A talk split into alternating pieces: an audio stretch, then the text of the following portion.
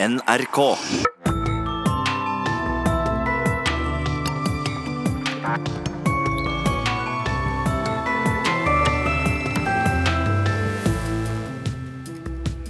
Nordlandsbåten har i fortellinga om Norge ofte blitt fremstilt som en urnorsk båt, bygd på tradisjon fra vikingskipene. Men de siste års historisk forskning viser at Nordlandsbåten er en kulturell blanding mellom norsk, samisk og kvensk båtbyggerkunst. I Hva skjer i dag skal vi omvurdere og utdype historien bak Nordlandsbåten.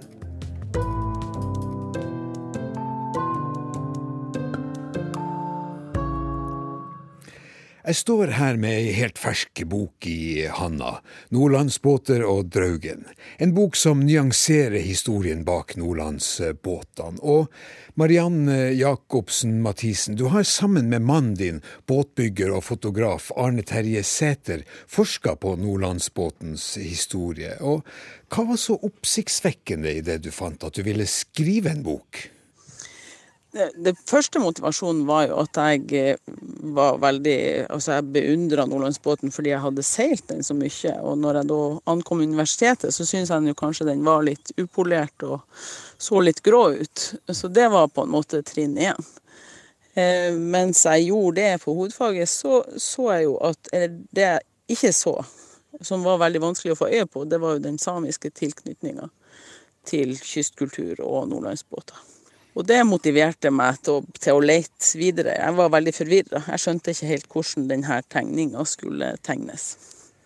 Ja, dra oss med gjennom forvirringa di. Ja, jeg, jeg, tok jo tak i drøgfortellingen fordi at jeg ville så gjerne prøve å se Nordlandsbåten fra fiskernes eget ståsted. Eh, og da eh, samla jeg sammen ca. 100 drøgfortellinger, og da fant jeg også et stort samisk materiale, som bl.a. Just Kvikstad hadde samla inn.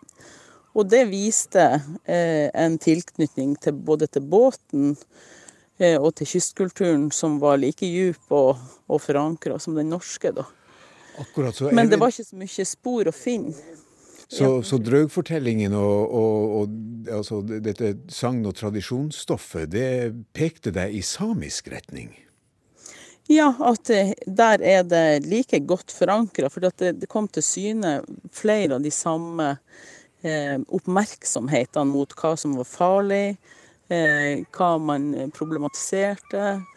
Eh, og så kom jo også Ola Graff sin, sin doktorgrad ut om kjæresten min ville joike, hvor det også viste små sjøsamiske joiker som vi heller ikke hadde sett før. da ser du skriver i forordet at uh, du presenterer denne boka som en inspirasjonsbok med oppfordring til leserne til å bli interessert i, kystkulturen, og sjøl lete etter det du kaller for den trekulturelle historia bak Nordlandsbåten, altså den norske, samiske og også den kvenske, altså det vil si historien fra de finske innvandrerne til, uh, til, til Nord-Norge.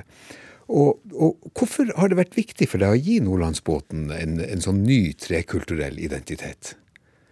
Fordi der er en del, I en del av det kystkulturmaterialet som ble samla inn bl.a. på 30-tallet, så er det en del stygge fornorskningstrekk som, som nedvurderer eh, da særlig samisk eh, kunnskapsgrunnlag og evne til å både utvikle og bygge båter og, og utvikle teknologi. Eh, som var veldig ubehagelig. Eh, så, det trengte revidering. Eh, og, og, norsk kystkultur hadde jo hatt en revitalisering fra 1979, hvor de på en måte hadde tatt båtene og vist at ja, her er det en, en verdifull kultur som vi vil fremheve, da. Men, men, det som vi også så i Nord-Norge, er jo at der det er veldig sånn aktive fiskermiljø, så så har man ikke vært så interessert. Det har vært veldig sånn sett på som litt romantisk, da. Men det å ha tilgang på sin historie syns jo jeg da er veldig viktig. I hvert fall har det vært det for meg. Så, så derfor så vil jeg bidra. Og vi får vel legge til at hvis noen hører måkeskrik i bakgrunnen, så er det fordi at du, du sitter faktisk ute i, i båten din. En nordlandsbåt. Ja, vi er på seiltur. Ja. ja. Salarøy. Eh, du nevnte revival av, eh, av interesse for nordlandsbåter som kom på 70-tallet. Og eh, vi har også med oss Gunnar Eljarn. Du er oppvokst som bygutt i Oslo, og, og på 70-tallet så tok livet ditt en eh, dreining der du kom til å gjøre Nordlandsbåten til, eh, til, ditt liv. Hva det var som skjedde? Nei, Det som skjedde, var jo at, eh, at Universitetet i Tromsø kom i gang. Og så hadde jeg en bror, eller har en bror som jobba i planleggingsavdelinga på universitetet. Og så ringte han meg og så sa han, Gunnar, nå må du komme til Tromsø, nå skjer det noe spennende, et nytt universitet. Og så reiste jeg med en gang og var med på det første kullet der og holdt på en stund. Men veldig tidlig når jeg kom til Tromsø, så forelska jeg meg forferdelig i en båt som sto på sydspissen, og det var fembrumingen Merkur. Som var så utrolig vakker at liksom hver eneste helg så måtte jeg gå ned der og, og, og, og se og se og se og se. Jeg var helt fortapt. Men det, det, medførte også at jeg begynte å spørre folk da, litt rundt omkring. og eh, lurte på hva det der var for noe, og, og, var på museet og hørte om de hadde noe, om det var noe der som visste noe, om det var noe som var skrevet, og så fikk jeg nå i litt. Men eh, etter å ha studert i noen år, så, så kommer man til et punkt hvor du liksom må deg for et eller annet her i verden som du kan gjøre, og da begynte jeg å jobbe, og da var det en båtbygger ute på Kvaløysletta som tok imot meg han eh, var vel egentlig også samisk, uten at det var noe snakk om, om, det da i det hele tatt. Men jeg jobbet hos han i ti år, og i løpet av den perioden så, så tok jeg også en sånn toårig utdanning på en båtbyggerskole i, i Saltdalen. Og, og, og, kom liksom nærmere og nærmere nordlandsbåtmiljøet. da, byggere, da, så Vi hadde en lærer der som hadde sikkert besteforeldre som hadde bygd, eller foreldre som hadde bygd nordlandsbåt. slik at det kom nærmere og nærmere Uh, og så var det da Og da var jo denne her kystkulturvåkninga på slutten av 70-tallet med forbundet Kysten og, og sånn som dukka opp samtidig. Så det ble liksom et landsdekkende interesse for den type problemstillinger. Ja, vi skal gå inn i det. For, for, men fortell meg litt om den der altså, eh, Være en kjærlighetshistorie her. Du, du sa du måtte, du måtte, bare gå og se på den båten. Hva var det i de, i de linjene som, eh, som, gjorde at du kom tilbake og tilbake og tilbake? Altså, Jeg ser de samme tingene enda. Jeg er like helt, helt forundra over liksom hvordan eh, Det var sånne voldsomme kraftige linjer som du, og sånne ja, kraftige og uttrykksfulle linjer som ikke er så tydelige på de vestnorske og østnorske båttypene. Som jeg var helt fjetra av. Jeg var egentlig fjetra, jeg må ja. bare si det sånn. Og, eh, og så hadde, Jeg hadde jo seila masse i, i, min både oppvekst og sånn, så jeg hadde jo litt forhold til sjøen. Så jeg var da veldig nysgjerrig på hva det her var for noe. Hva var det for slags farkost? og Hva var det de, jeg skjønte jo at det var en fiskebåt, men hva var det for noe? Hvordan var den på sjøen? Hva var det for slags båt i havet? liksom? Og, og, og da begynte den reisen som i og for seg foregår enda. Ja. Så det var det estetiske som, eh, som, som tiltrakk deg. Men du, du sa du har, fortalt, du har, fortalt, meg eh, når vi snakka sammen før, at uh, det var på hengende håret at den tradisjonen med nordlandsbåter forsvant. Kan, du si, kan, kan, du gi oss en innføring i det vi vel, vi vel må si kanskje er en nesten katastrofe? Ja, altså det var jo sånn da på, utover 70-tallet så prøvde jeg å komme i kontakt med folk som har bygd, og det var alltid foreldre eller besteforeldre, og det var ingen å snakke med som hadde bygd. Det var i Saltdalen og i Rana. Men så tilfeldigvis, nesten eller ikke tilfeldigvis, vi drev noe sånn registreringsprogram som vi hadde fått penger til. Eh, og da, I Bindalen var det da noen båtbyggere eh, som enda bygde båt. Eh, ikke så veldig mange, men litt. Rann, jeg hadde snakket litt med noen i 75 allerede. Uh, og, de ga meg sånne hint som, gjorde meg bare mer og mer nysgjerrig. Så i 83 så kom vi over en, en, en båtbygger, en 80 år gammel mann som Hvor de hadde bygd båter i eh, x antall generasjoner. I hvert fall så hadde de ja, så Han hadde lært hos sin far og sin bestefar. og og mora var i båtbyggerfamilie. og det var liksom sånn. Så da fikk jeg være med han og bygge en tororing, da. Eh, og det var den siste båten han bygde før han døde. Ja. For den tradisjonen holdt Men, på Ja, unnskyld, kom igjen. Ja, den, holdt, ja det, altså den familietradisjonen holdt på å dette ut av. Men det var enda båtbyggeri i Bindalen som, som, var aktive, så det var ikke helt uh, håpløst. Men, Men, eh, men i hvert fall da jeg kom hjem etter å ha vært med, så var det egentlig bare å sette i gang og lage til, slik at jeg kunne bygge båt sjøl og, og liksom prøve å lære meg det bedre. Det at Nordlandsbåten holdt på å, å forsvinne, i hvert fall delvis, henger, sammen, henger, vel sammen med at etter krigen så ble det slutt på å bruke den type båter i, i fiske? Ja, det ble jo det. det og, og, særlig den tradisjonelle utgaven, som var en ro- og seilbåt. Det var, det, var, det var, litt i bruk. Altså som, Det ble satt påhengsmotorer på noen av de og brukt til fiske utover, mm. utover 70-tallet, så det var ikke helt Vi fikk en ny båt fra Bindalen på den slippen jeg jobba på på slutten av 70-tallet. Så det var ikke helt uh, håpløst, men altså, det var bra på, på nippet. Ja. ja.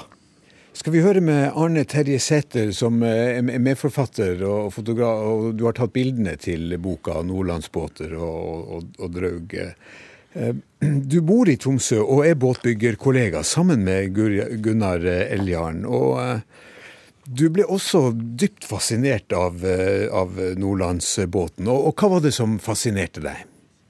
Ja, jeg begynte jo med å med å seile sånne tradisjonsbåter og oppdaga egenskapene båten hadde. og Ble veldig fascinert av den teknologien som, som lå i båten, som egentlig var utrolig avansert. Sånn overraskende avansert til å være en båt fra 1800-tallet. Avansert, sier du. Hva, med, hva, hva, mener du. hva mener du med avansert? Nei, den var f.eks. så er det sånn hvis du seiler unna vind, så pakker den sjøen under seg, så den er opp på planer nesten som en moderne båt på et vis. At du kan få en fart som er større enn en eh, lengda på skroget tilsier.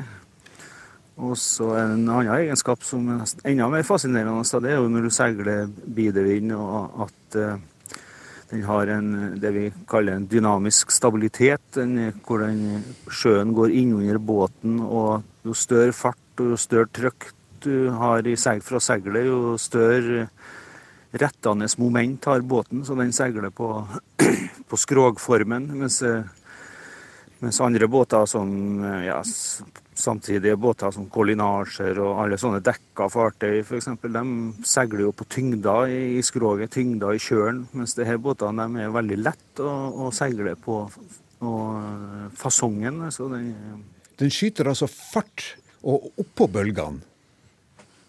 Ja, du surfer oppå bølgene. Ja, løfter, båten løfter seg ut av sjøen. og for, eh, kan, vi har Med Salerøy har vi jo hatt noen fantastiske seilaser med ja, det, vi kan surfe på båra i 20 knops fart eh, innimellom. Så eh, da er det utrolig rock'n'roll. Ja.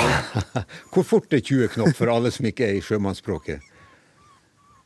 Nei, det er en 35 km i timen. Kan si. Det høres ikke så fort ut på land, men på sjøen så er det en, en bra fart. Altså. Ja, og særlig når det er fokk og rock og, og, og roll. ja, ja, sant. Men uh, det, dette med at du kan fare av gårde som, uh, som, på, en, uh, som på et surfebrett, nærmest, som du sier. Hva, hva, sier det om teknologien som du er så fascinert av? Hva, er, det, som ligger til grunn som gjør at båten blir så altså Hvis jeg forstår det rett, den blir faktisk bare mer og mer sjødyktig jo, jo sterkere vind blir? Ja, det er jo kanskje ta litt hardt i, men den er i hvert fall, eh, den er i hvert fall eh, utrolig mer eh, sjødyktig enn f.eks. fribordet til seg. Og den skulle, poenget er jo at det var en sånn kombinasjonsbåt som skulle ros. Skulle, det er en fiskebåt, og så skal den være en sikker seiler. Da, for det var jo Ja, den måtte jo berge seg på havet. Vi har også med oss i studio professor Alf eh, Ragnar Nilsen. Eh, og samisk innflytelse, som vi har snakka om i båtbyggekunsten, strekker seg langt tilbake. Du har jo forska og skrevet på den samiske kysthistorien, og var redaktør for første bind i storverket om Norges fiskeri og kysthistorie. Og der fremhever du en tydelig samisk tilstedeværelse på kysten. Fortell om den. Ja, vi har sett eh, altså I det bokverket 'Norges fiskeri og kysthistorie' så har vi da forsøkt å se norgeshistoria fra kysten for første gang. Og eh, der i kysthistoria inkluderer vi det samiske, kan du si, basert på den forskninga som har vært de siste ti årene. Um, det starta jo egentlig på 1980-tallet, da historikere, arkeologer, andre fagfolk kasta seg over samisk historie og nordnorsk historie sammen. Og eh, det er jo mange ting som er kommet frem etter hvert. Det er for så vidt gamle kilder som er kjent, f.eks. Snorre Sturlason i um, ja, Så, samiske, ja. så, så, så samiske, samisk tilstedeværelse på kysten er dokumentert helt tilbake til uh, sagaen? Ja, og enda også i Ottars beretning fra slutten av 800-tallet, ja. så vi er tilbake i jernalderen. Ja. Og da er det tydelig samene de Altså, de har innlandssida, og så har de kystsida. Og i kystsidaen så driver de fiske, de driver fangst, eh, eh fuglefangst, selfangst, hvalfangst osv. Og så driver de med båtbygging. Og det er klart, uh, uansett etnisitet, uh, det samfunnet som vi oppdager liksom bakover vikingtida før Alt kystfolket måtte jo ha båter, yeah. så det ble jo bygd båter hele tida. Men det er da både blant samer og blant de norske. Og det er kanskje sånn at det forløperen til Nordlandsbåten, da, som eh, Altså, den dukker jo opp relativt seint, men eh, den har mange forløpere. Og det er kanskje en miks, kan vi si, sånn som det allerede har vært, eh, har vært nevnt. Vi snakker om sagaen. Altså, hva, hva, er det som er dokumentert i sagaen av eh, samisk uh, båtbyggekunst? Ja, jeg har et sitat her. Eh, Sigurd Slembe, som var norsk tronkrever på begynnelsen av 1100-tallet. Han måtte flykte nordover i kamp med andre eh, tronkreveremner, da. Og så kom han opp til Tjeldsundet og eh, overvintra der. Etter sagnet så var det i ei hule, da. Eh, men eh, Snorre forteller om når han skulle reise sørover, følgende. Det blir fortalt at Sigurd Slembe den vinteren let finnene bygge to skuter for seg inne i fjordene. De var ihopbundne med sener uten saum, og det rodde tolv mann på hver side. Disse skutene var så snare at ingen skip tok dem på vannet. Så, og det, akkurat dette kildestedet her er mer solid, fordi vi vet hvordan tidligere eh, kilder Snorre bygde på oss. Og det passer jo veldig godt egentlig med, med senere 100 år, 15-, 16-, 1700-tallet, da dukker eh, mer statistiske kilder over den samiske båtbygginga opp. Og det vi hører i det sitatet fra Snorre, er at uh, Snorre, Snorre, legger ingen verdivurdering på om det altså, Eller jo, han gjør jo det. Han sier at samiske båter er gode. Er, er, altså Det er ingen som seiler så, så, godt. sånn at det ligger i hvert fall ikke noen nedvurdering av det samiske i det Snorre skriver. Nei, de var raskere enn andre. Ja. Og de var jo store, for det var jo da tolv mann på hver side, altså 24 mann. Det er nesten på størrelse med Osebergskipet.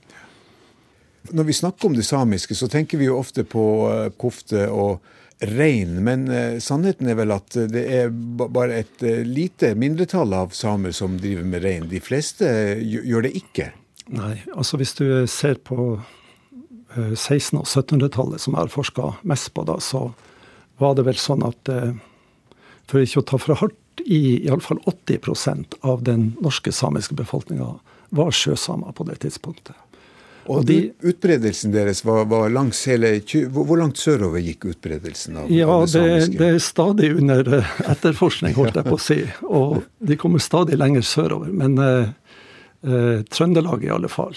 Kanskje, kanskje, kanskje, Nordmøre. Men det har noe med fornorskningsprosesser som liksom har starta fra syd og gått mot nord. Mm. Sånn at eh, eh fra Helgeland og sørover er det veldig lite materiale vi har. Men vi vet jo at det har vært sjøsamiske eh, bosetting der ute. For eksempel, eh, bare for å ta et eksempel. Eh, Utafor øya Frøya på Trøndelagskysten så er det et sted som heter Finnværet. Og eh, havstykket utafor heter Finnværhavet. Mm. Og helt klart, Der har sjøsamer rodd fiske i gammel tid. Sånn at uh, Den forskninga som har vært gjort i de seneste ti årene, den, den, fører da til at uh, vårt begrep om Norge og de som bor i Norge, bør, bør, bør nyanseres? Ja, altså vi må snakke Vi må ta på, på alvor den eh, sjøsamiske kystkulturen. Mm. At den har vært eh, stor og viktig. Altså i, mm. iallfall i halve Norge. Og den har da eksistert side om side med den, eh, mm. Eh, med det norske. I den perioden her som jeg har studert mest, så er jo bosettingssituasjonen sånn at eh, eh sjøsamene de bor i fjordene, stort sett. Og de er nokså enerådende der. Mens den norske befolkninga er ute ved kysten. Og eh, materialet for båtbygging var jo alltid furu. Og furuskogene, altså Samene som bodde i Malangen, de hadde jo Målselvskogen. I Altafjorden de hadde Altaskogen osv. Så, videre. Så det var naturlig at de eh, spesialiserte seg på båtbygginga. Og vi har også eh, mange eksempler på altså sånne salgskontrakter hvor, det, eh, hvor sjøsamer navngitte selger båter til navngitte nordmann ute i, på kysten, da, i fiskeværene. Men levde, når vi tematiserer dette, levde samer og, og, og sjøsamer og nordmenn separat, eh, altså atskilt, eller hva, miksa man seg? Nei, du kan si at uh, boplassene i denne her perioden var jo mer Det var jo todelt på mange måter. Men det levde samer ute på øyene også, i Lofoten f.eks. Mm. Men de hadde sine uh, spesielle områder. Men så møttes de da på Lofothavet, på Finnmarkshavet, utenfor Senja, på de store fiskeriene. De hadde relasjoner til de samme handelsmennene og sendte tørrfisk til, til Bergen. Så da er det grunnen helt likt mellom det sjøsamiske og det norske. Ja.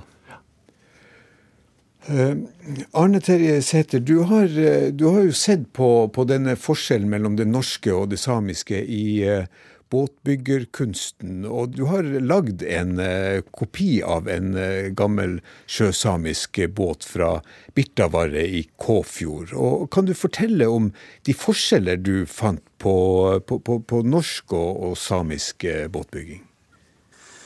Det vi ser sånn generelt, òg, det er jo at etter at Helgeland, Rana og Bindalen tok over mesteparten av båtbygginga sånn på ja, fra midt, begynnelsen på 1800-tallet og utover, så, så, fortsetter jo båtbygging i, i, utafor i Troms og, og utafor de store byggedistriktene òg, men at eh, det virker som eh, den gamle nordlandsbåttypen, den gamle formen, den gamle teknikken eh, henger igjen mye lenger. De har mer gammelmodige trekk. mens det i i, i Rana og sånt, så er det en voldsom utvikling mot sagabol og, og en enorm en, og enorm byggeaktivitet da, som, som standardiserer båten mye mer. Mens den, i distriktene ser ut som det,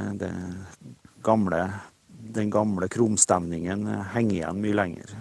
Det er vel en av de forskjellene vi ser sånn men for, ellers så er jo båtene veldig like, kan du si. Det er ikke noe sånn der eh, stor eh, forskjell på selve båten. Det, det er samme båten og på samme, det er jo på det samme havet de skulle fiske, så det er jo ganske naturlig. Ja, for, eh, for i, i Salten og, og nedover så tok jo båtbygging eh, utover 1800-tallet nærmest industrielle eh, dimensjoner. fordi at befolkninga i Nord-Norge vokste vel, veldig i den tida, og det var behov for, for mye båter. Så, så, hvor mye båter ble bygd da på den tida? Nei, det er jo snakk om at det var bygd 100 000 båter i løpet av en 50-årsperiode der nede på Helgelandskysten. Det er jo rimelig mange. Det er rimelig mange, ja. Eh, men der nede er ikke det samiske innslaget så, så stort? Vi har jo noen kilder fra begynnelsen av 1800-tallet som forteller at eh, eh, sjøsamer fra Beiarn, som jo var spesielt kjent for båtbygginga si, ble henta ned til Helgeland for å drive opplæring. Så det var vel Når du kommer på 1800-tallet, så var det jo de sjøsamene som var på Helgeland, de aller fleste var blitt fornorska da. Mm, mm, mm. Så eh, Og jeg vil legge til det, det jeg har snakka om tidligere når det gjelder den, disse fjordene og den skogen og den samiske bygginga. Det er jo nord for Saltfjorden, da. Mm. Men hele veien opp til Øst-Finnmark. Mariann, du nevnte innledningsvis eh, noe om at eh, du hadde sett på draughistorier, eh, og at draughistorier var sånne veimerker for deg inn i å forstå det, det samiske i, i, kysthistorien. Og hvem er draugen? Jau, det er nå en skummel skapning. Han er en gjenganger, da. Og han representerer alle de døde på havet. Og det var jo sånn at de som på en måte ikke kom i kristna jord, de kunne gå igjen. Eh, men når jeg da studerte han, så prøvde jeg å se han også mer fra et praktisk perspektiv. Altså, det har vært vanlig å se det som folketro eller overtro, da. Men å se hvilken funksjon kunne en sånn skapning ha. Og han dukka jo opp fra, fra ungene er ganske små. Eh, og da sa jeg jo også at jeg studerte ganske mange fortellinger, og da så jeg etter hvert et slags sånn system hvor fortellingene kan være tilpassa på en måte ditt kunnskapsnivå. Altså eh, den eh, minste skårungen, han går jo i fjæra og skal banke eh, vottene sine på en stein. Og så treffer han ofte hodet til draugen, og så blir det et eller annet tull. Enten så blir det en umiddelbar hevngjerning, eller så så i hvert fall så blir veldig ofte skårungen redd, og, og så sprenger han til de vante mennene og spør hva skal jeg gjøre med dette. Og da er det mange Altså det, det er et slags samkvem mellom gutter, menn og draug. Eh, og hvordan skal vi sortere dette? Og det som Jeg forleste meg jo selvfølgelig på drøghistorie, så en stund så var det jo skummelt å gå i fjæra eh, etter mørkets frembrudd. Men, men det som, som, plutselig gikk opp for meg, det er jo det at draugen bor i båra. Eh, altså det er der dynamikken skjer, eh, og det er den dynamikken som skjer når når båten ligger på surf, eh, og når, eh, når båra stikker seg opp og vil om bord, eh, så er det ofte en draug. Og da er det fare på ferde. Altså det er en grenseforståelse. Det er da båten kan forlise. Altså det er så mye vann at det er rett før de går rundt eller går under. Så, så draughistorier er lærestykker, altså? Ja, altså jeg tenker at det er en, en, en fortelling både for, for unge og, og, helt opp til ganske gamle. Både en bearbeiding og en fokusering på hvor er det vi skal se, hvor skal vi være oppmerksom.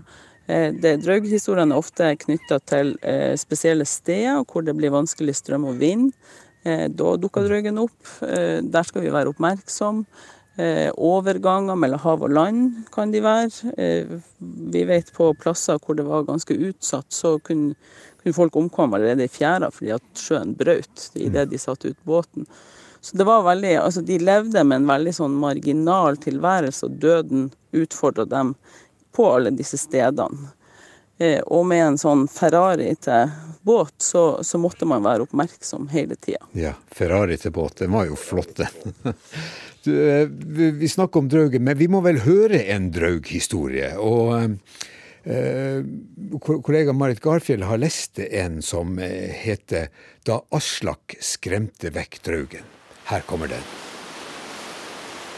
Han Aslak ifra Nesseby fikk aldri ha båten sin i fred for draugen. Enten den sto i naustet eller var trukket opp i fjæresteinene, var draugen der og romsterte og lagde rot. Årene kunne han finne henslengt både i åker og eng. Tofte og Tilje lå og duppa i flomålet. Han hadde ikke et tall på de gangene han hadde vassa ut til midja i iskaldt sjøvann for å berge utstyr. Mellom fjæresteiner og tangvase fant han garn, line og dorger i et eneste stort sammensurium. Draugen hadde stor moro av å slenge seilet opp på nausttaket. Der lå det, søkkvått og trasig. Hver eneste morgen ble han møtt med dette sørgelige synet. Nå hadde han fått nok. Den ellers så sindige Aslak begynte å bli krakilsk. Jeg trodde nå denne trolltampen ute i havet hadde annet å bale med enn å plage en stakkars fisker. Men nå begynner jeg å bli så forbanna lei av dette tøvet, skreik han ut i vær og vind mens han forsøkte å lete opp utstyret på vidvanke. Med blåfrosne fingre kunne han sitte sammenkrøka i timevis for å få løst opp knuter og floker. Av og til kunne han høre den hule, kalde latteren til Draugen. Ja, flyr bare du. Neste gang er det kanskje jeg som flirer, mumla han Aslak og beit tennene sammen. Endelig hadde han bestemt seg for å ta et oppgjør med Draugen.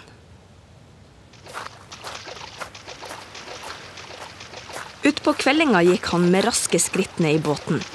I hendene hadde han to bøtter fulle av møkk og andre ufyseligheter.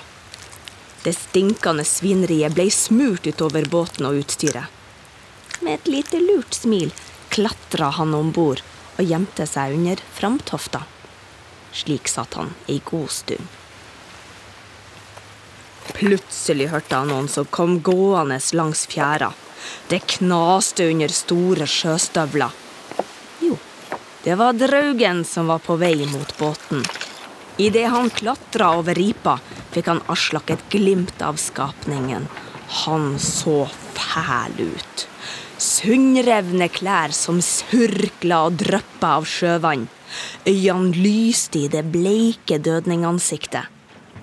Draugen skrevde over tofter og utstyr og sette seg på aktertofta som en riktig høvedsmann. Huff, huff, her er så grisete, her kan jeg ikke sitte, jamra Draugen. Slik holdt han på med klaginga mens han gikk fra toft til toft. Til slutt sto han helt framme i forstavna. Han Aslak holdt pusten og gjorde seg klar til å angripe. Huff, huff, en så ufin båt har jeg aldri sett før, klagde Draugen. Da spratt han Aslak frem og hogg Draugen med kveitkleppen mellom skuldrene mens han ropte Her er det fint nok for meg! Draugen kom med et langtrukkent gaul, kasta seg over ripa og forsvant. Neste morgen gikk han Aslak ned til båten. Alt sto urørt og var i sin skjønneste orden. Og siden den dagen fikk han Aslak ha båten sin i fred for Draugen. Ja, sånn endte den historien. Og eh, jeg vil høre med deg snart, eh, Mariann eh, Jacobsen Mathisen, litt av bakgrunnen for denne historien her. Men først til deg, Gunnar Eljarn. Når du begynte å studere byggeteknikk og, og, og, lære deg å bygge nordlandsbåter. Fulgte denne type historier med på, på, kjøpet, eller er det fremmed for deg? Nei, det, jeg kan ikke huske noen sånne historier. det kan jeg ikke. Men jeg, jeg, man leste dem jo, noen av dem i hvert fall, når man kom over dem. Men eh, det er jo veldig spennende. Altså, det er jo, det er jo morsomme man, Det er mye tolkning og mye ting man kan legge i det. Det er, veldig, det er kjempespennende, egentlig. Jeg tenker det her eh, handler jo om å eie båten, sånn som jeg ser det. Og det er jo sånn veldig bra. At det, det å eie båten er på Det er noe du må forholde deg til. Ikke noe du bare har, men noe du må forholde deg til eneste du har, det, det, er en flott tanke, da.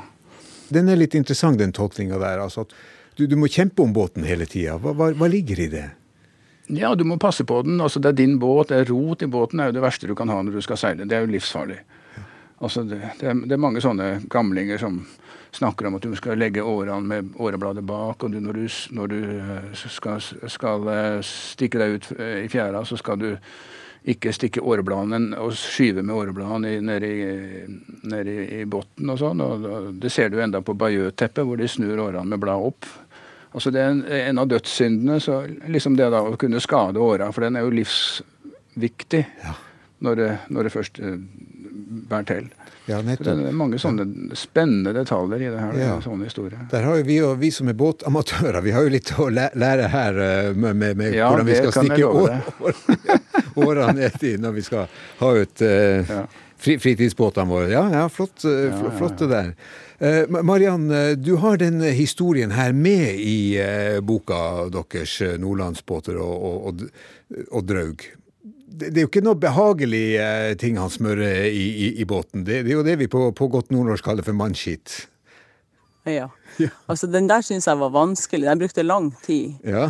Eh, og, og, det som jeg kom frem til altså Jeg, jeg er jo vokst opp i, i Vesterålen og bodd i Lofoten. Og, og, det jeg brukte for å på en måte forstå det, det var jo den der ironien som man kan bruke i historiefortelling, og den der slagferdigheten og den der fandenivoldskheten. At eh, hvis, hvis, man tar sin ytterste svakhet, eller der man er pressa som ytterst, og gjør det om til en eh, styrke, eh, så vinner man jo på en måte. Eh, eller man harselerer med døden. Altså, hvis man ser for seg at båten blir fylt til ripa av vann, og det er rett før den går ned. Så det de gjorde, det var jo å ause det vett og forstand kunne holde, og kropp.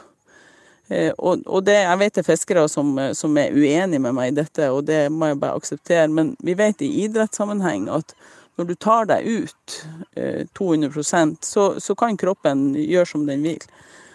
Og nettopp det har de på en måte tatt, at Draugen rømmer for arbeidsstøv, altså en fjert, men også for mannskit. Altså mannemakt i det ytterste. Det rømmer drøgen for. Sånn kan du berge livet. Ja. Sånn har jeg forstått det. da. Ja, ja.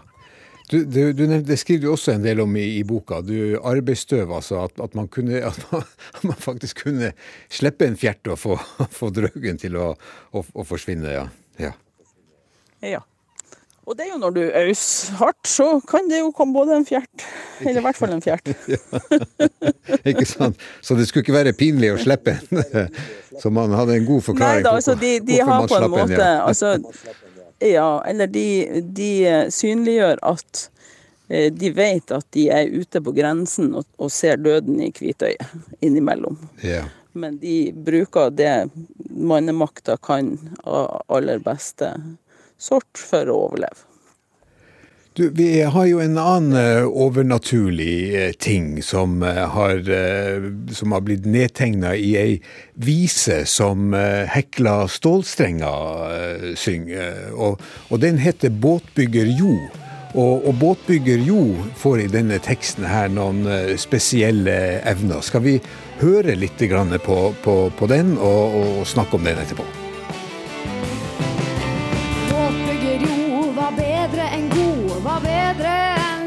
Fleste. Hvordan det var, hvor han tok det ifra. Var det bare jo som visste. Hver syvende båt skulle fanden få. Han gjorde dem så at de kunne gå og syne seg frem som et skue. Faringen for med seil og ror over havet som pil fra bue. Hver syvende båt skulle fanden få. Kjenna jo hadde skrevet i blod en pakt av de stygge og store. Når hver syvende båt skulle Hedman kåt sjøl sette siste bordet. Hver syvende båt skulle fanden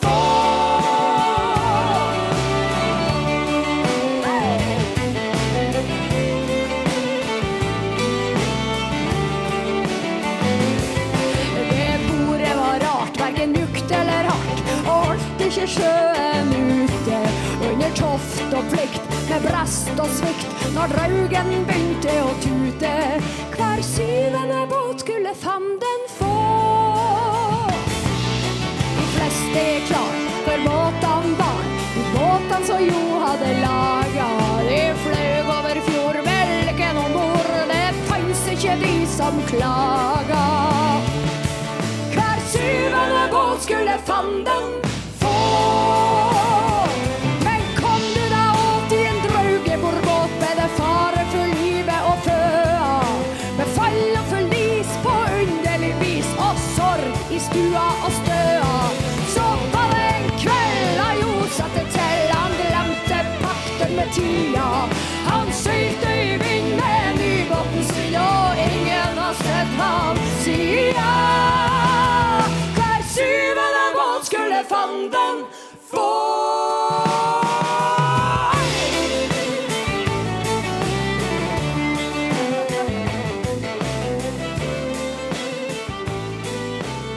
Hekla stålstrenger med båtbygger, jo. Og vi kjenner jo fra mange kulturer dette med å bli en For å bli en dyktig håndverker, så må man inngå en pakt med, med, med hinmannen. Er, er det, vi har jo to båtbyggere her, eh, Arne, Arne Terje og, og, Gunnar. og eh, Er dette her sånn landkrabberomantisering av hva dere holder på med, eller, eh, eller, eller har det noe for seg?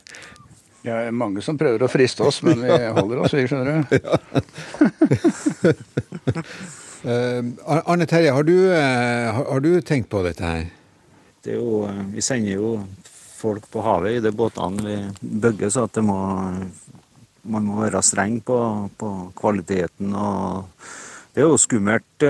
Vi ser jo at det er en del sånne amatører som driver og bygger. Og, og, det er klart kvaliteten kan jo ikke variere på hvor sjødyktige båtene er. For de er jo, jo, de er jo så akkurat bygd, på en måte. Det er små nyanser som avgjør om det, om det er en bergelig eller om det er en farlig båt. Så vi må være fokusert. Og, og vi er jo opptatt av Og vi bygger jo ja, det, altså, vi ser jo Noen prøver jo å rasjonalisere bygginga for å tjene mer penger. Eh, kanskje lage enklere løsninger og sånn, men eh, vi har jo alltid syntes det var fascinerende å bygge oss bakover og gjøre det egentlig mer og mer tungvint og tjene mindre og mindre. Kanskje vi skal høre med, med Mariann. Har, har, du noen forklaring på, på, på, denne teksten her til uh, Hekla stålstreng? Har du funnet noe når du har forska i draughistorie og annet historisk uh, mytologisk materiale? Tallet syv er jo et magisk tall, da. Altså, det er jo sånn Hver syvende båre er større enn de andre. og så, så det, det, det, er jo sånn som de på en måte bruker i fortellingen eh, når, når, de eh, dramatisere eller vurdere stoffet. Og jeg kan tenke meg at, at båtbyggere på 1800-tallet eh, kanskje undrer seg over bygger vi godt nok. Eh, og når folk dør, er det vår feil, eller eh, er det bare skjebnen? Så, så, jeg tenker jo at fortellermaterialet er en plass å sortere vanskelige tanker, og de skrev jo ikke så mye. Så en plass måtte man tenke noe om det, og, og fortellermaterialet kan være en plass å gjøre det på. Absolutt. Så jeg syns det er en, en, flott og spennende uh, ting. Men vi, vi, må på en måte tåle å forholde oss til symboler som, som er flertydige, så vi får jo ikke noe svar. Nei, Nei akkurat. Vi har eh, snakka om uh, Nordlandsbåten så, så, langt, men det ble her nordpå også bygd større fartøy av, av både norsk etta og samisk etta. Og det, det, vet du litt om, Alf Ragnar Nilsen? Ja, vi har jo storebroren til Nordlandsbåten, Jekta, som jo ikke er av nordlandsbåt. Den er jo litt annerledes konstruert, mer som et frakte- og lasteskip.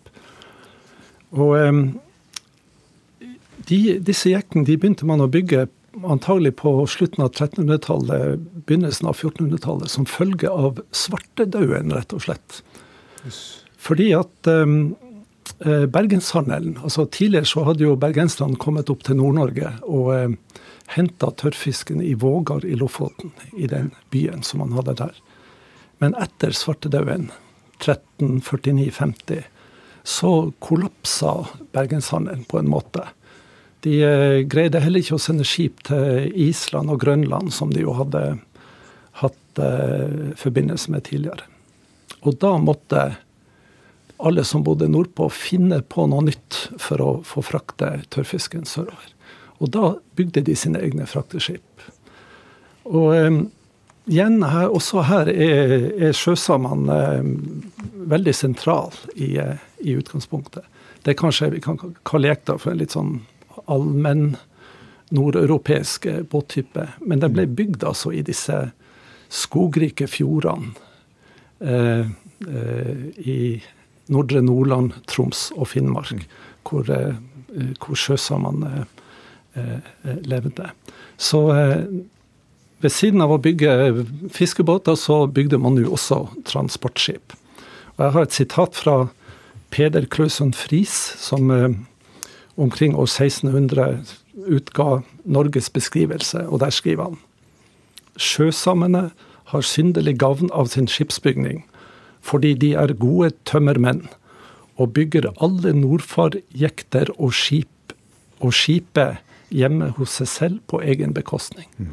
Det siste betyr at de organiserte eh, det arbeidet sjøl. Og hvis jeg kan avslutte med Petter Dass, eh, 100 år seinere, eh, da har eh, Beiarn, da, som jeg nevnte tidligere, blitt det viktigste stedet for, eh, for bygging av objektet. Han sier der hugger bufinnerne planker og bord, av hvilke de kjekkeste jekter blir gjort, mm. som noensteds flyter på strømme. Mm. Altså bufinnerne, det er de bofaste sjøsamene.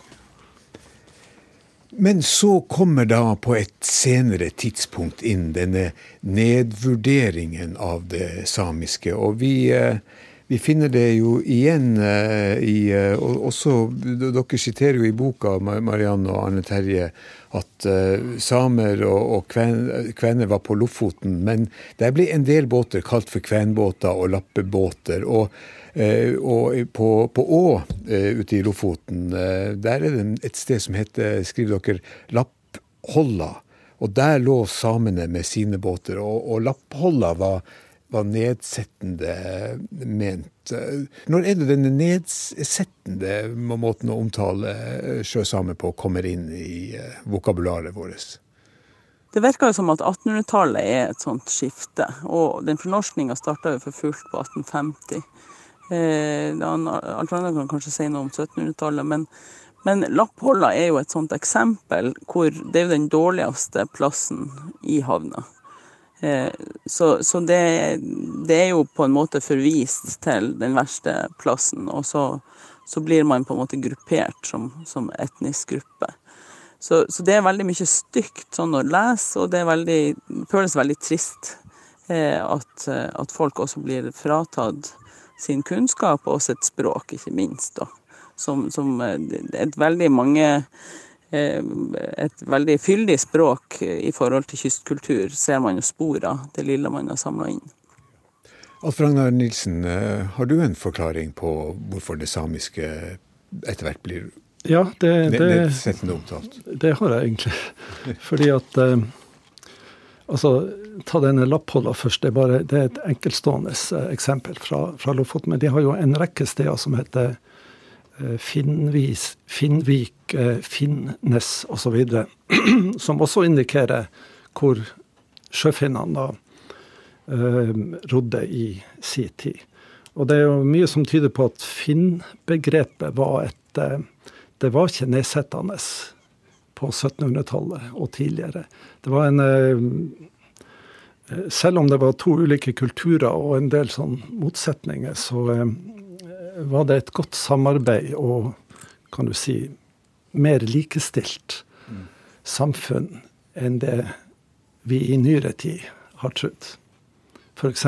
i Tysfjord skjedde det at eh, nordmenn og sjøsamer delte gårder. De hadde hvert sitt bruk på samme gården. Og, og så så tett eh, eh kunne de leve der. Men eh, Eh, når vi kommer, altså, det, er jo et stort paradoks. Den her eh, rike, velstående eh, sjøsamekulturen som vi har på 1700-tallet. Vi kan vel kalle det for deres storhetstid. Hvis du da tar 1800-tallet og kommer til begynnelsen av 1900-tallet, da er jo sjøsamene de fattige, fattigste av de fattige, og de blir sett eh, veldig nedpå. Og det er dels fornorskningsprosessen som har eh, som har skjedd, at de er blitt gjort til ei utgruppe, på en måte. Det handler også om den eh, økonomiske, teknologiske utviklinga på slutten av 1800-tallet, hvor sjøsamene i mindre grad henger med. Men vi, vi, må ikke glemme av at vi har denne, den, denne fine sjøsamekulturen, den selvstendige, sterke. Det er en viktig del av vår historie også. Ja, ja. Eh, når vi skal, eh, når vi skal se fremover, så, eh, så, så, er jo dette med å lage, bygge nordlandsbåter og, og andre tradisjonsbåter langs hele kysten. Vi har jo et utall av uh, forskjellige typer uh, langs hele vår, vår, vår langstrakte kyst. Så, så, men for å kunne fortsette denne tradisjonen, så krever det jo at vi har båtbyggere, håndverkere, som kan sitt fag. Og hvordan er statusen, Gunnar Eljarn, for, for, for nivået på, på, på, etterutdanning og ny utdanning av, av, av nye håndverkere som kan føre denne båtbyggertradisjonen videre? Altså, På landsbasis er den egentlig veldig dårlig, og også skandinavisk sammenheng. Eh, I Norge er det liksom det er tre kan vi si, småsentre i båtbygging. Det er Osølleverkstaden eh, i Hardanger, og så er det Statsbygd på, i Trøndelag, og så er det og så er det vi da som er tre båtbyggere som holder sammen i, holdt på å si tykt og tynt, i hvert fall tynt. Og, og, og prøver å holde det her gående. Og, og båtene har altså ramla utafor vernestatus. sånn at liksom, altså Museene har jo ansvar for å ta vare på båter, men de, båtene i seg sjøl har ikke noe vernestatus. Eh, Hva er det du sier? Sier, hus. Ja, ja, sier du at, ja, altså, det er ikke ja, akkurat som eh, Riksantikvaren freder jo eh, hus, tømmerhus, ikke sant, og stover i Telemark og alt det der. Og, og fartøyvernet har også vernet, har, De verner fartøyet, store fartøy, men båtene kan egentlig museene bare selge hvis de vil, eller brenne opp. eller det er ikke noe som, De har ikke noe forpliktelse til å ta vare på dem. Og de har i sjelden grad har de håndverkere Noen steder har de gode håndverkere som, som tar vare på båtene, men det hører med til sjeldenhetene. Og, og når du først hadde en to-tre levende byggetradisjoner i Norge, og, og de andre 20 er blitt borte, så er det liksom eh, Det er på hekta, da. Akkurat. Eh, så, så Riksantikvaren må skjerpe seg? Ja, han burde skamme seg. Ja. Det er det bærende Når det gjelder liksom all sjøfart, så er, all, er alt eh, har sitt utspring i småbåtene. Det er der all rekruttering skjer, både på byggesida og på brukssida. Og, og, at Norge er jo en stor skipsfartnasjon, men bryr seg ikke om de her tingene. her. Sånn. Hvilke tiltak bør han sette i verk? Det er jo noen sånne voldsomt verneverdige båter som burde ha vært freda, sånn som Holvikjekta i, i Sandane. Den er altså så verneverdig at det er helt hinsides, men den står ute enda. Den har stått ute nå siden 30-tallet. Står under et tak, riktignok.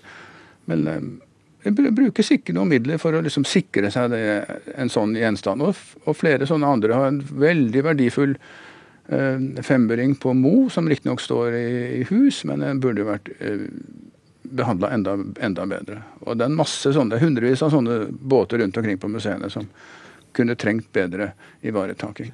Og eh, kunnskapen om å bygge dem er det jo Vi er jo veldig få i Norge. Er, altså Vi er, får jo plass i en campingvogn, alle sammen. Så det, så, og vi har liksom vært så heldige at vi har fått, eh, fått overlevert denne gamle kunnskapen, eh, flere hundre år gamle kunnskapen, og jobber med det hver dag for å bli bedre og forstå mer. Og likevel så er det, er det helt uvisst hvor lenge det der kan gå. Ja. Du, du, men du er jo også ansatt på Tromsø museum ved å prøve å rette opp dette skjeve forholdet med utdanning av håndverkere. Hva, hva, er det som skjer nå ved Universitetet i Tromsø? Ja, altså Jeg har jo hatt en stilling der siden 91, eh, heldigvis for at et framsynt universitetsstyre eh, ga meg en jobb ved akklamasjon. så eh, jeg har vært kjempeheldig med det. Men eh, det er liksom ikke nok, da. Eh, vi burde hatt noe mer. Og nå er det altså er, er rektor og rektoratet på universitetet er, jobber for å få fram et, et bachelorstudium og masterstudium i, i, i tradisjonsbåtbygging. Og det, hadde, burde, og det kunne bli en veldig stor styrke nasjonalt. da for eh, båtbygging i Norge, og sikkert egentlig internasjonalt også. Da er vi eh, snart ved, ved veis ende. Og eh, Mariann, du som har skrevet boka 'Nordlandsbåten og, og Draugen'. i, i, det norske, i fortellinga om Norge, så, eh, så, så, har det vel vært eh, så, så, ble jo eh, Telemark, rosemaling, bunad fremheva som liksom nasjonens sjel og hjerte når vi skulle frigjøre oss fra Sverige i 1905.